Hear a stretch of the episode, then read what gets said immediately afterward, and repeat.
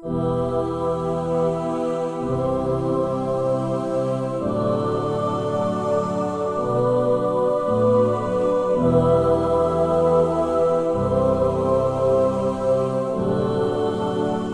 ada hubungan dengan ya akhirnya salah kita sendiri kalau kita punya harta bukan untuk kepentingan akhirat itu sudah sudah.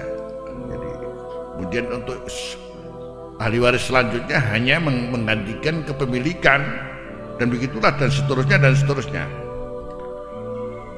Selanjutnya juga akhirnya kita bicara masalah dunia dan kapan harus ada keterangan yang berkaitan dengan nyelatu dunia yang seperti katakan sebagai batang, sebagai kreweng macam-macam. Itu sebetulnya agar kita dengan dunia ini mengerti akan haknya hanya untuk mazra'atan lil akhirah. Fala tudamud dunya lidzatiha. Jadi dunia ini katakan celatu itu bukan karena dunianya sebetulnya. Fa innaha mazra'atun lil akhirah. Wa man akhadha min mura'iyan lil qawanin syar'iyyah a'anathu ala akhiratih. Justru kalau kita menggunakan dunia diatur secara syarak begini begini begini bagaimana aturannya itu membantu dia untuk urusan akhiratnya.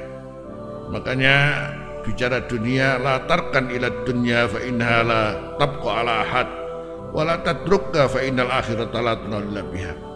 Jangan Anda cenderung untuk selalu berpikir pada dunia untuk menjadi kepemilikannya dan sebagainya sehingga harus berbuat apa yang hanya dunia dan dunia.